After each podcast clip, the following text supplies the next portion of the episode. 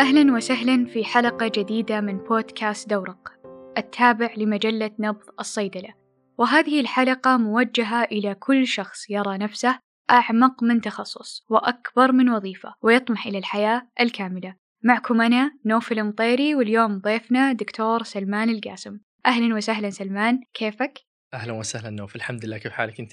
والله الحمد لله بداية حابين نعرف عن سلمان أكثر من هو سلمان وإيش يسوي في الحياة؟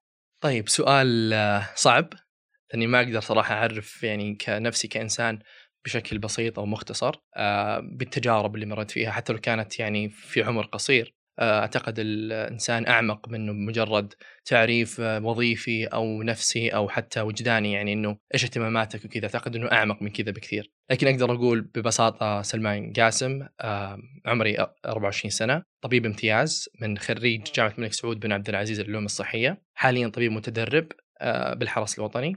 أعشق الكتابة حتى لو ما أشارك كتاباتي كثير لكن أحب أكتب. أعتقد إنه الكتابة وسيلتي للتعبير عن مشاعري أكثر. حتى لو ما أشاركها مع أحد مجرد الكتابة تعطيني شعور يعني جميل شعور بالنشوة. إني جالس أعبر عن نفسي بالطريقة اللي أنا أشوفها يعني جدا آه، كويسة آه، ومميزة. أحب ناحية الرياضة أحب أسبح آه، أحب أنغرس في الأش... في النشاطات اللي بعيدة عن مجالي المهني كوني يعني طبيب امتياز حاليا. ما أحب يكون يعني يومي أو خلينا نقول السنة اللي أقضيها كلها منغمسة في في في الجامعة ولا حتى في المستشفى. لازم أعتقد إنه يكون للانسان آه، جانب ترفيهي جانب شخصي حتى لو كان في أبسط الأمور زي مثلا نتفليكس. أعتقد إنه هذا الشيء جدا آه، يعني يمثلك إلى حد كبير. حتى الأشياء اللي تتابعها في نتفليكس مثلا آه، تمثلك وتعرف الناس أنت مين وش تحب وش ما تحب وش اللي تميل له وش اللي ما تميل له. بوقت الفراغ أحب أجلس في البيت في في أغلب الأوقات. أنا إنسان يعني بيتوتي أقدر أصنف نفسي أكثر مني إن إنسان اجتماعي وأحب أطلع وأحب أشوف ناس جدد يمكن الاصدقاء المقربين لي عددهم قليل لكن الزملاء كثيرين الحمد لله وإذا جيت أطلع في بعض الأشياء اللي أحب أسويها ما هي أشياء كثيرة مثلا بولينج آه، تنس الريشة كنت ألعب في السابق آه، بس بحكم إنه ما في آه، منصات تحتضن هذه الرياضة في المملكة قلت ممارستي لهذا الرياضة يعني بشكل كبير. آه جميل جدا. ما شاء الله سلمان بالتعريف عن نفسك والواضح لنا أنك تميزت في المجالين المجال تخصصك اللي هو مجال الطب وكذلك هواياتك اللي كذلك أبدعت فيها. وكمان في الأونة الأخيرة شفنا سلمان فاز بالطالب المثالي. فكيف قدر سلمان يوازن بين الاثنين ما بين حياته وهواياته وما بين تميزه العلمي؟ حلو. آه يمكن شيء ساعدني كثير. بالنقطة اللي تتكلمي عنها إنه جامعتي جامعة الملك سعود بن عبد العزيز للعلوم الصحية حقيقة بيئة خصبة جدا للشخص اللي وده يجرب أشياء جديدة تماما. مثل مثلا الأداء الصوتي. عندنا مثلا أكاديمية في في الجامعة توفر هذا الشيء للطلاب إنه عندك مثلا حاب وأنت صغير كنت قاعد تقلد آه، مثلا الدعايات الرد الآلي ليش ما مثلا توظف هذه الموهبة بحيث تصير شيء آه، احترافي ممكن بعدين يصير مصدر دخل مستقبلا لك؟ فأعتقد النقطة الأولى بالنسبة لي كانت الجامعة. الفرص اللي تتيحها الجامعة كانت باب أو باب كثيرة لي إني أنا اكتشف نفسي أكثر وأنخرط في المجالات هذه، فهذه النقطة الأولى. آه، الشيء الثاني انه أنت رغبتك، يعني أوكي الحين المصدر موجود، الفرص موجودة، لكن أنت الآن بالمستوى الفردي هل أنت مستعد ولا لا؟ كلنا ندري إنه المجالات الصحية بشكل عام سواء كانت طب بشري، صيدلة ولا أسنان آه، صعبة وتأخذ من وقتك الشيء الكبير، لكن أقولها أكثر من مرة إنه تنظيم الوقت تحديدا ممكن كلمه يعني مستهلكة مبتذله حتى لكنها فعليا مهارة. ما هي شيء تحفظه وخلاص أو خلينا نقول خطوات تطبقها وخلاص هي مهارة آه، تختلف من شخص لشخص. أنا مثلا آه، أشوف إنه باليوم على سبيل المثال ثلاث ساعات من المذاكره تناسبني شخص ثاني لا يحتاج خمسة. شخص ثالث يحتاج ساعة واحدة. ففي مرونة في الاحتياج لكل شخص. بعض الأحيان آه، شفتها كثير مثلا شخص يأخذ في مادة التشريح ساعة واحدة ويخلصها أنا أخذ 12 ساعة ولسه ما خلصتها. لأنه بالنسبة لي صعبة. فكل واحد وقدرات قدرات الشخص. فعشان كذا ما في ما في all size يعني one size fits all مثلا على قولتهم. لا في مرونة. في كل واحد يكتشف وش اللي الضعيف فيه ويعطيه وقت أكثر. وش اللي كويس فيه ويعطيه وقت نسبيا أقل. فاللي خلاني ك زي ما قلت لك عشان نرجع بس للسؤال إنه اللي ساعدني أكثر إني أنخرط في المجال هذا أول شيء وجود الفرص من الجامعة. كذلك أنا استعدادي استعدادي لما أقول استعدادي استعدادي النفسي المعنوي والوقتي. يعني عندي وقت إني أنا أنخرط في المجالات هذه. طب كيف عندي وقت؟ بإني عرفت وش الأشياء اللي, أنا أقدر أخلصها بسرعة وأبدأ أسوي الأشياء الثانية وايش الأشياء اللي لا. وأعتقد وهو شيء غريب أنا سويت خلينا نقول دراسة على نفسي. أخذت فترة معينة تقريبا ست شهور من حياتي الجامعية وما كان فيها نشاطات. قلت أنا باخذ break الآن. قلت والله تعبت ما راح أدخل في نادي ولا خرابيط ولا سراج ولا الهبل هذا كله. قلت بقعد خلاص بركز في دراستي أكثر بحيث إني شوي أبدأ أحاول يعني يعني أرفع معدلي وكذا. أخذت تقريبا ترم كامل وما سويت فيه ولا شيء. الغريب في الموضوع إن أدائي في الترم هذا ما أقول لك كان مساوي لأدائي في الترم اللي أنا كنت مشغول فيه كان أقل. أنا نظريا قلت ليش أقل؟ ممكن كذا قاعد أفكر بيني وبين نفسي حتى أنا استغربت قلت أنا عندي وقت أكثر وعندي هذا. بالنسبة لي أنا شخص ما يشتغل إلا تحت الضغط. لازم تضغطني. يعني ممكن ما أبدأ أشتغل كثير وأخاف من الاختبار وأبدأ أذاكر إلا قبل الاختبار بفترة يمكن أسبوعين أو شيء زي كذا. بعض الناس شهر بعض الناس يومين يبدأ يذاكر. كل واحد يختلف فترة الوقت هذه. فأنا خلينا نقول مثلا أسبوعين. المهام اللي كنت أسويها مثلا في نادي الطلاب في البرامج الكبرى زي TEDx ومؤتمر التخصصات كانت عبارة عن آه، تذكير إنه والله لازم أخلص شغلي بسرعة اللي في المؤتمر أو في TEDx عشان يف... ألقى وقت أذاكر فيه. فهذا الخوف هذا القلق الإيجابي وأنا أقدر بكل ثقة أقدر أسميه إنه قلق إيجابي خلاني أحرك العجلة اللي عندي خلاني أخلص أول شيء مهامي في البرامج اللي اصف فيها وعلى طول أدخل على المذاكرة لأن ما عندي وقت. هذا الت... هذا خلينا نقول القلق اللي كان عندي كان يمشي الشغل عندي كان كنت أخلص الدراسة أسرع أو العكس مثلا ودي أخلص ال lecture اليوم عشان عندي أشياء أسويها في المؤتمر. فهمتي؟ كان في عندي محفزات بشكل يومي ان أنا أخلص شغلي. بخلاف وقتي آه، يوم كان كنت فاضي تماما في الترم كان ما عندي شيء إلا المذاكرة. فكنت أأجل أجل ما وراي شيء إلا هي. أكيد بلقى لي وقت وأذاكر فيه كنت كان يعني يوصل أسبوع قبل الاختبار وأنا ما بديت حتى فيه. أو يعني ما بديت فيه من البداية لكن ما هو البداية الجدية. فكنت أتورط وأدخل بعض الأحيان الاختبار ماني جاهز 100% فلاحظت إنه لا الضغوطات اللي تجيني من نادي الطلاب كانت شيء جدا إيجابي وخلتني كذا محفز إني أنا أخلص شغلي أسرع. فهذا شيء غريب كان لازم أقوله يعني صراحة لأن في كثير منا وأغلبنا كذا. تحت الضغط نبدأ نشتغل نبدأ خلاص إنه يلا عندنا deadline يلا يلا يلا بنخلص شغلنا. بالضبط. وكانت كان ضغط إيجابي طبعا ما هو ضغط toxic ولا شيء إنه أنا خليني أنهار ويجيني يعني مثلا burn out أو احتراق وظيفي ولا ايا كان. لا كان آه، ضغط كويس بنسبة معينة مقبولة اللي تخليني أنجز أنجز آه، شغلي. طيب جميل جدا سلمان. بس حابة أقول إن في كثير ناس يختزلون الحياة في وظيفة ما أو في دراسة ما أو في GPA معين. إذا جبت هذا ال GPA فخلاص أنا أنا أستحق حياة أفضل أستحق حياة سعيدة. ويصيرون يشوفون قيمتهم الذاتية واستحقاقهم للأمور مبني على على هذه الأشياء اللي هم تميزوا فيها. كيف نكسر هذا الحاجز لهذول الناس بحيث يشوفون الحياة بشكل أوسع؟ كيف تتوقع نقدر؟ سؤال صراحة جدا جدا جدا مهم. كأنك تكلمين توجهين كلام لي أنا قبل خمس سنوات لما كنت طالب يعني سنة تحضيرية ومتحمس ووصفني عميد الكلية type A personality اللي ما يبغى يكون ولا شيء خطأ كل شيء صح كل شيء بأتم يعني بأتم كماله و perfect تماما. حتى في قصة كنت أقولها كثير إنه مرة من الفترات إنه غلطت سؤال بسؤال واحد في ال quiz ما هو mid ولا final ب quiz بالإنجليزي سؤال واحد وأنا وأخوي تناقشنا فيه وما اقتنعنا إن السؤال خطأ طلعنا العميد نشتكي نقول هذا السؤال خطأ. العميد على طول ما فيها رمية ولا شيء العميد مباشرة لأن كنا نقول إنه هذه يعني حرام وغلطة ومدري إيش غلطة واحدة. مع السنوات ست سنوات في الكلية ترى عدد يعني ما هو قليل بس صح إنها مرت بسرعة لكنها يعني مساحة لك إنك تخوض تجارب كثيرة وتكبر تكبر تصير إنسان ناضج تعرف إنه والله المعدل ما هو ما هو أي شيء ولا يعكس من أنت ولا يعكس قدراتك ولا يعكس إمكانياتك. لأن الست سنوات هذه فيها الابس والداونز فيها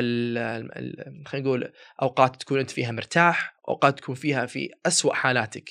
يعني بينك وبين الانهيار العصبي يمكن شعره. فطبيعي إنه واحد يعدي المرحلة هذه يروح من طرف الطرف الآمن إلى الطرف الخطر وهكذا. في يكون في تنقل في الفترة هذه من من حياتك. فطبيعي ما يكون مستواك ثابت. ما تكون كويس طول الوقت. ما تكون سيء طول الوقت. تكون في آه، أماكن تتحسن فيها ومواضع تكون أقل فيها كفاءة. فهذا الشيء ما وصلت له إلا بشكل يعني متأخر تقريبا بالكلية.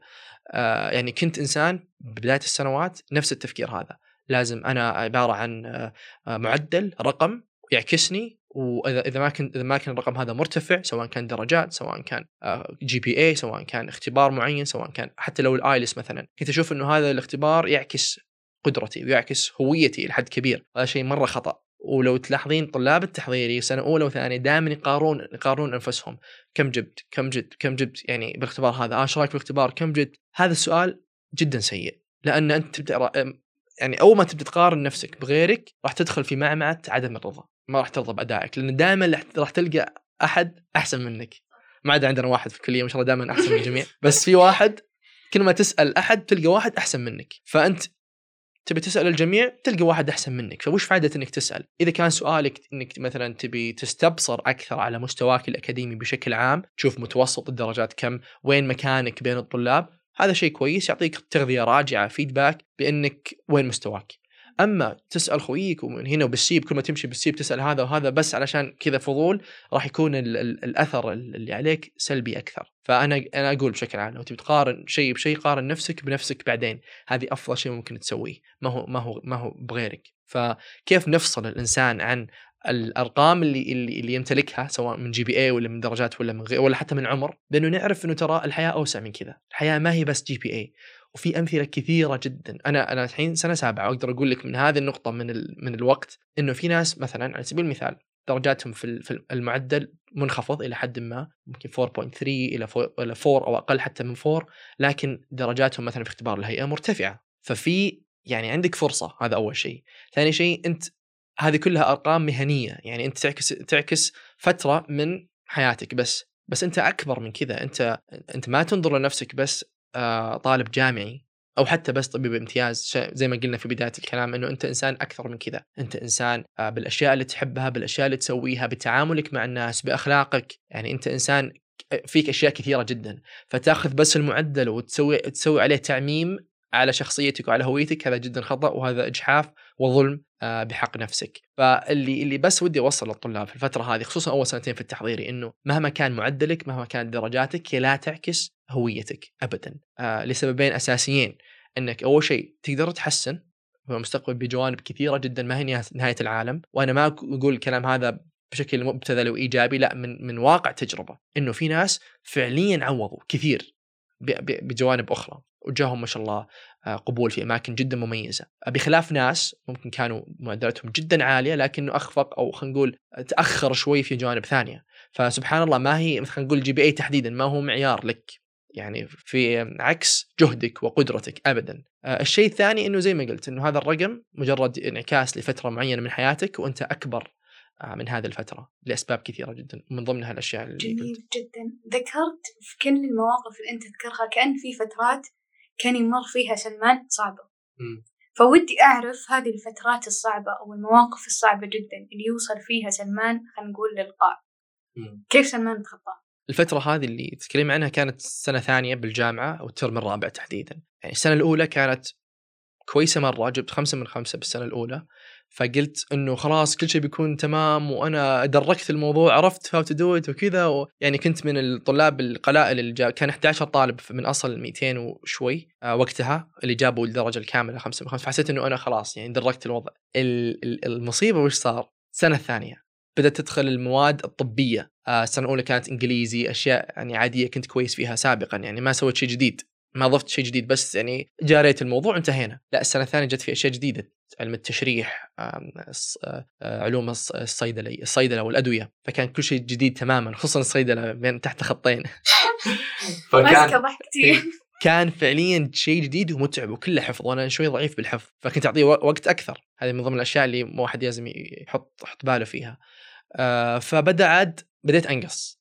بديت بدل ما أجيب ال A plus بديت أجيب A وهذا يعتبر الآن يعتبر كويس. مرة بالنسبة لي الآن سنة خامسة A أتمنى أخذها ومراضي جدا. فهمتي كيف التدرج؟ فكنت أشوف إنه A لا هذا إخفاق وبينقص معدلي وكذا. بدأت مرحلة الشك بالذات. هل أنا فعليا competent ولا عندي القدرة إني أكمل؟ ولا أنا إنسان مزيف بس صدفت معي ويلا وعدت وكذا؟ فبدأت هذه تهز تهز ثقتي بنفسي. خصوصا إني كنت من النوع اللي يسأل يعني اخوياي المقربين بس ها كيف اختبار؟ كيف جبت؟ مدري إيش. وكنت أقول لك يعني السنة الأولى كنت almost always كل ما واحد يقول لي درجتك تكون درجتي أعلى. المرحلة هذه لا صارت العكس. تقول دقيقة هل أنا قصرت؟ هل سويت شيء؟ وأبدأ أراجع نفسي وصار في مرحلة جلد الذات، آه ليش آه ليش أنا مستواي نزل؟ كان كذا وصار كذا، كان كذا وصار كذا، ليش؟ وش السبب؟ ما كان في سبب معين، كنت ببساطة جالس أختبر نفسي في مجال يمكن أنا قدرتي فيه أقل ببساطة، قدرتي مثلا في الحفظ أقل من ناس كثيرين فكنت أعطيها وقت أكثر من من المواد الثانية زي الفيزياء اللي بس تحفظ القانون وتطبق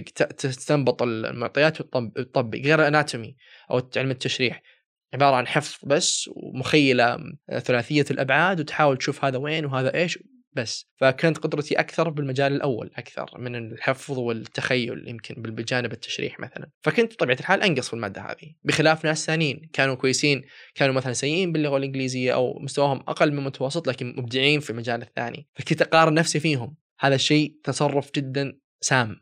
toxic جدا. وكل طلاب التحضير الآن جالسين يسوونه الآن في بيوتهم. I know that إنهم جالسين يسوونه الآن. لأني كنت في مكانهم. مو بس أنا كلنا كنا كذا أغلبنا. إلا الناس اللي ناضجين سبحان الله من ال... من من زمان. اللي واصلين وعارفين وش بيصير كأنهم كأنهم ماخذين نظرة للمستقبل. مدري شلون كذا هذول ما شاء الله. اي في ناس كذا يعني بالانترنت ف... ف يعني الشيء اللي اللي كسر ظهري صدق ونفسيا وهذا اللي هو السنة الثانية السمستر الرابع تحديدا. بدا معدل ينزل وكذا. بعدين السنة الثالثة بديت أنضج أكثر أعرف وأتشرب الموضوع هذا موضوع إنه أنا أكثر من مجرد معدل وكذا. وش اللي ساعدني؟ تجارب ناس أكبر مني. يعني في ناس سمعت قصص إنه كان جايب كذا وكذا وكذا وطور من نفسه وهذا ودخل تخصص اللي يبغاه دخل مجال مجال اللي يبغاه. حتى في بعض الناس عندنا في الجامعة كثيرين ما أقدر حتى أعدهم كلهم أطباء ومبرمجين. يعني طبيب طبيب خلص السبع سنوات دخل تخصص مثلا طب الأطفال ولا طب الباطنة وعنده مجال مو بس هواية يعني أساس كويس بناه بحيث إنه حتى صار مصدر دخل مبرمجين آه، مصورين آه، دعاية وإعلان عندهم مؤسسات مؤسسات رسمية مثلا بالشراكة مع ناس من برا المجال ومشتركين فيه آه، مؤسسات تسويق دعاية وإعلان تصوير وهذه الأمور كمان أداء صوتي.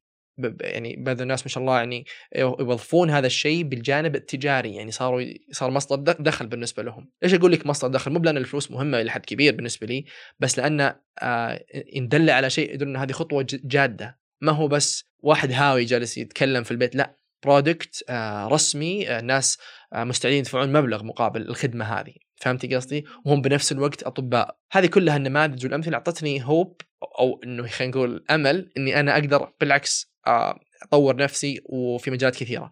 ومن هذه النقطة بدأت أدخل في نادي الطلاب. فهمت كيف تاثر على شخصيتك صراحة. أكيد أكيد أكيد جدا. يعني أنا قبل كذا كان عندي آه، يسمونه stage anxiety أطلع قدام شخص أو شخصين غرباء أبدأ أتوتر. تجيني أعراض خلينا نقول الفوبيا الاجتماعية هذه أو القلق الاجتماعي اللي هي أبدأ يدين تتعرق أبدأ مثلا قلبي يدق بسرعة أتلعثم أناظر كذا يمين يسار. هذه مع الوقت بديت أتخطاها تدريجيا.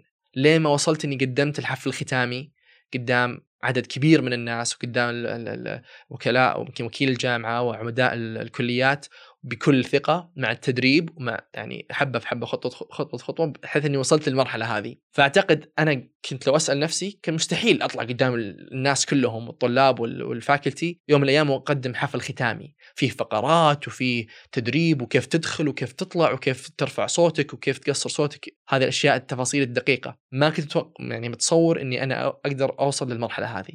كيف بدأت؟ عن طريق نادي الطلاب، عن طريق هذه الرغبة إني أنا أكتشف مجال أكتشف نفسي أكثر في المجالات اللا أكاديمية، ما هو بس ال lectures ما هو بس المحاضرات والكلية والطب والمواد الطبية اللي في بعض الأحيان تطفش إلى حد كبير. فودي كان أجرب الشيء هذا وكان نادي الطلاب بأفرعه وبانديته الفرعية وبرامجه الكبرى هو البوابة لهذا الشيء. فمن هنا انطلقت صراحة في نادي الطلاب. طيب تكلمت بشكل كبير عن نوادي الطلاب فحابة أعرف إن هل في أحد هو اللي دعمك هو اللي دفك إنك تدخل النوادي الطلابية لأنك تحتاج مثلا في مهارات تحتاج إنك تنميها ولا سلمان من نفسه حس وراح؟ يعني حاس إنه يحتاج إنه يجرب تجارب جديدة يخوض أشياء جديدة اتجاه نفسه.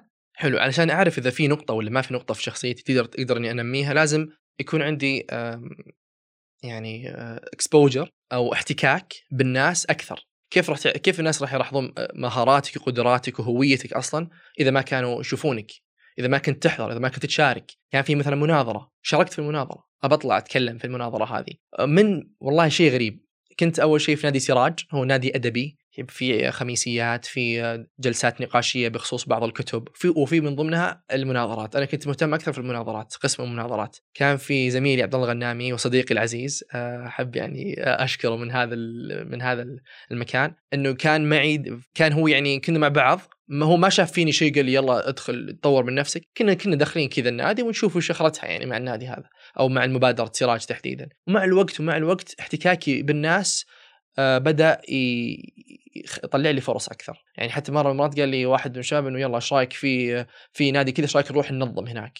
رحت نظمت والتنظيم كمان كان في احتكاك. حتى أنت كنت تشوف الجميل في جامعتي صراحة إنه الطلاب leaders والطلاب منظمين والطلاب آه، آه، دين في المسرح والطلاب يسوون المعرض والطلاب يسوون الديكور والطلاب يسوون المحتوى. فكنت تشوف شخص معك معك في نفس عمرك لكنه leader لمبادرة معينة. فكان هذا يعطيك رسالة غير مباشرة إنك تقدر تكون في مكانه في, في, في يوم من الأيام. لما تشوف واحد كذا بعيد أو كبير ومثلا مدير تقول ما تدري كيف وش الخطوات اللي توصل لها أكيد إنه عنده كذا وكذا وكذا. بس الآن لما يكون طالب كبرك تقول إذا هو صار leader أنا أقدر أصير leader هو أنا طالب وهو طالب. فهذا كان يحفزني إني أنا آه، ودي أكون في المكان هذا ممكن السنة الجاية. وهذا اللي صار صدق. وهذا اللي خلاني أكون أول شيء آه، شبكة علاقات حتى لو كانت آه، صغيرة شوي في البداية لكن مع الوقت تتوسع. إلين في السنة تقريبا سنة رابعة أتوقع أو رابعة أو ثالثة ما أذكر آه، جاني اتصال كان من leader TEDx عبد الرحمن الجريسي. هو الآن طبيب ما شاء الله طبيب جراحة عامة في في الحرس. قال لي سلمان كيف حالك وهذا؟ نبغاك معنا leader في TEDx. كلمني كذا بالتليفون. قال لي من أو لا ما قال لي كذا عشان قال لي أنا بنقابلك ومدري إيش وحنا من TEDx قلت له okay تمام. آه، وقال لي وقال يلا نقابلك في المكتبة. ورحت المكتبة وأنا وياه تقابلنا وبدا يتكلم عن TEDx وش TEDx وعرفني عرفني عن TEDx وانه الجامعة تحتضن هذا ال هذا ال هذه المبادرة العالمية ونحتاج قادة في كذا وكذا وكذا. وإحنا رشحناك تكون قائد المحتوى. وقائد المشرف العام على المتحدثين فهذا شيء كبير بالنسبة لي. هم طبعا عرفوا عني من الكتابات حقتي والمشاركات في نادي بصيرة والنوادي الصغيرة شوي. هذا يعتبر من البرامج الكبرى. فعرفوا عن شغلي وأدائي وحضوري من النوادي الصغيرة هذه من من سراج ومن نادي بصيرة مثلا حق الأفلام وحق المحتوى بشكل عام. فهذه كانت بوابة الوصول. بدأوا هم عاد يكلموني. أنا مثلا ما قدمت على على المنصب هذا هم بالعادة يكون في تقديم أو إن أحد من القادة يرشح للشخص. أو مثلا الناس قدموا ما لقوا إنهم والله آه، عندهم خلينا نقول الكفاءات اللي تؤهلهم إنه ياخذون المنصب هذا. فتواصل معي ونفس الشيء آه، وافقت. قلت له برد لك خبر فكرت في الموضوع إنها مسؤولية كبيرة وخصوصا إني أنا بكون مسؤول عن تعديل محتوى ال speakers أو المتحدثين حتى أكون موجود معهم في المسرح وال backstage وأدربهم. وأنا يمكن ما عندي هذه القدرة أو خلينا نقول المهارة أو الخبرة الكبيرة إني أقدر أساعد ناس قامات ما شاء الله كتاب وغير كتاب ومؤديين أصلا من السابق. بس آه، تحديت نفسي ودخلت وافقت يعني في المجال هذا. وكانت أجمل تجربة في حياتي. أقولها بملء الفي صراحة. TEDx آه، يعني من دون كل بدون يعني طبعا تقليل من أي برنامج آخر لكن TEDx آه، من دون كل البرامج كان الأميز فيهم. كنا كلنا كأسرة صغيرة كذا آه ننبسط مع بعض واضح على ملامح وجهك إيه, إيه سلمان إن TEDx جدا مختلف بالنسبة لك. جدا يعني شيء محفور بالذاكرة. يمكن يكون عمري 70 سنة 80 ربي أحياني وأنا ما راح أنسى التجربة هذه. آه وبعد TEDx السنة اللي بعدها بنفس الشيء مؤتمر التخصصات الصحية كلموني نبغاك قائد العلاقات العامة وهكذا. بدأت بدأت تدخل من أيوة. تجربة لتجربة وتسقل شخصيتك أكثر وسلمان يتغير تبعا لها يعني. بالضبط. ولما تثبت نفسك يعني أكيد وهذا شيء أكيد سواء في العمل في الجامعة في أي مكان الناس راح آه، شغلك راح يعني يتكلم عنك بدون ما تتكلم عن نفسك. أدائك الكويس آه، التزامك في الوقت التزامك بواجباتك أمام ال... مو بس حتى أمام الناس أمام أعضاء فريقك نفسه. آه، أعتقد إنه يعكس شيء إيجابي شيء شيء كبير عنك إيجابي. حتى بعض الناس كانوا أعضاء عندنا بالفريق السنة الجاية صاروا ليدرز ليش؟ لأنه نعرف إنه ادائهم كان كويس وشغلهم ما شاء الله وصل للجميع وصل لعماده شؤون الطلاب للموظفين للموظفين وزملائهم من الطلاب والطالبات.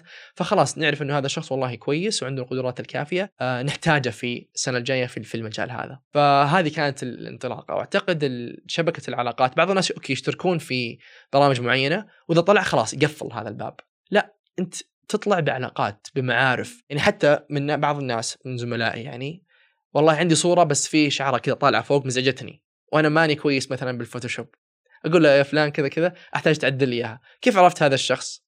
إما كان معي بالفصل أو بال class أو كان معي في, أحد البرامج. يعني حتى في أبسط الأمور. هذه العلاقات هذه الأمور البسيطه تقوي علاقاتك مع الآخرين. تعزز يعني ثقتك بنفسك حتى. إنك أنت ما شاء الله وفقت بين الناس اللي اللي برا ال class عندك وبال class معك.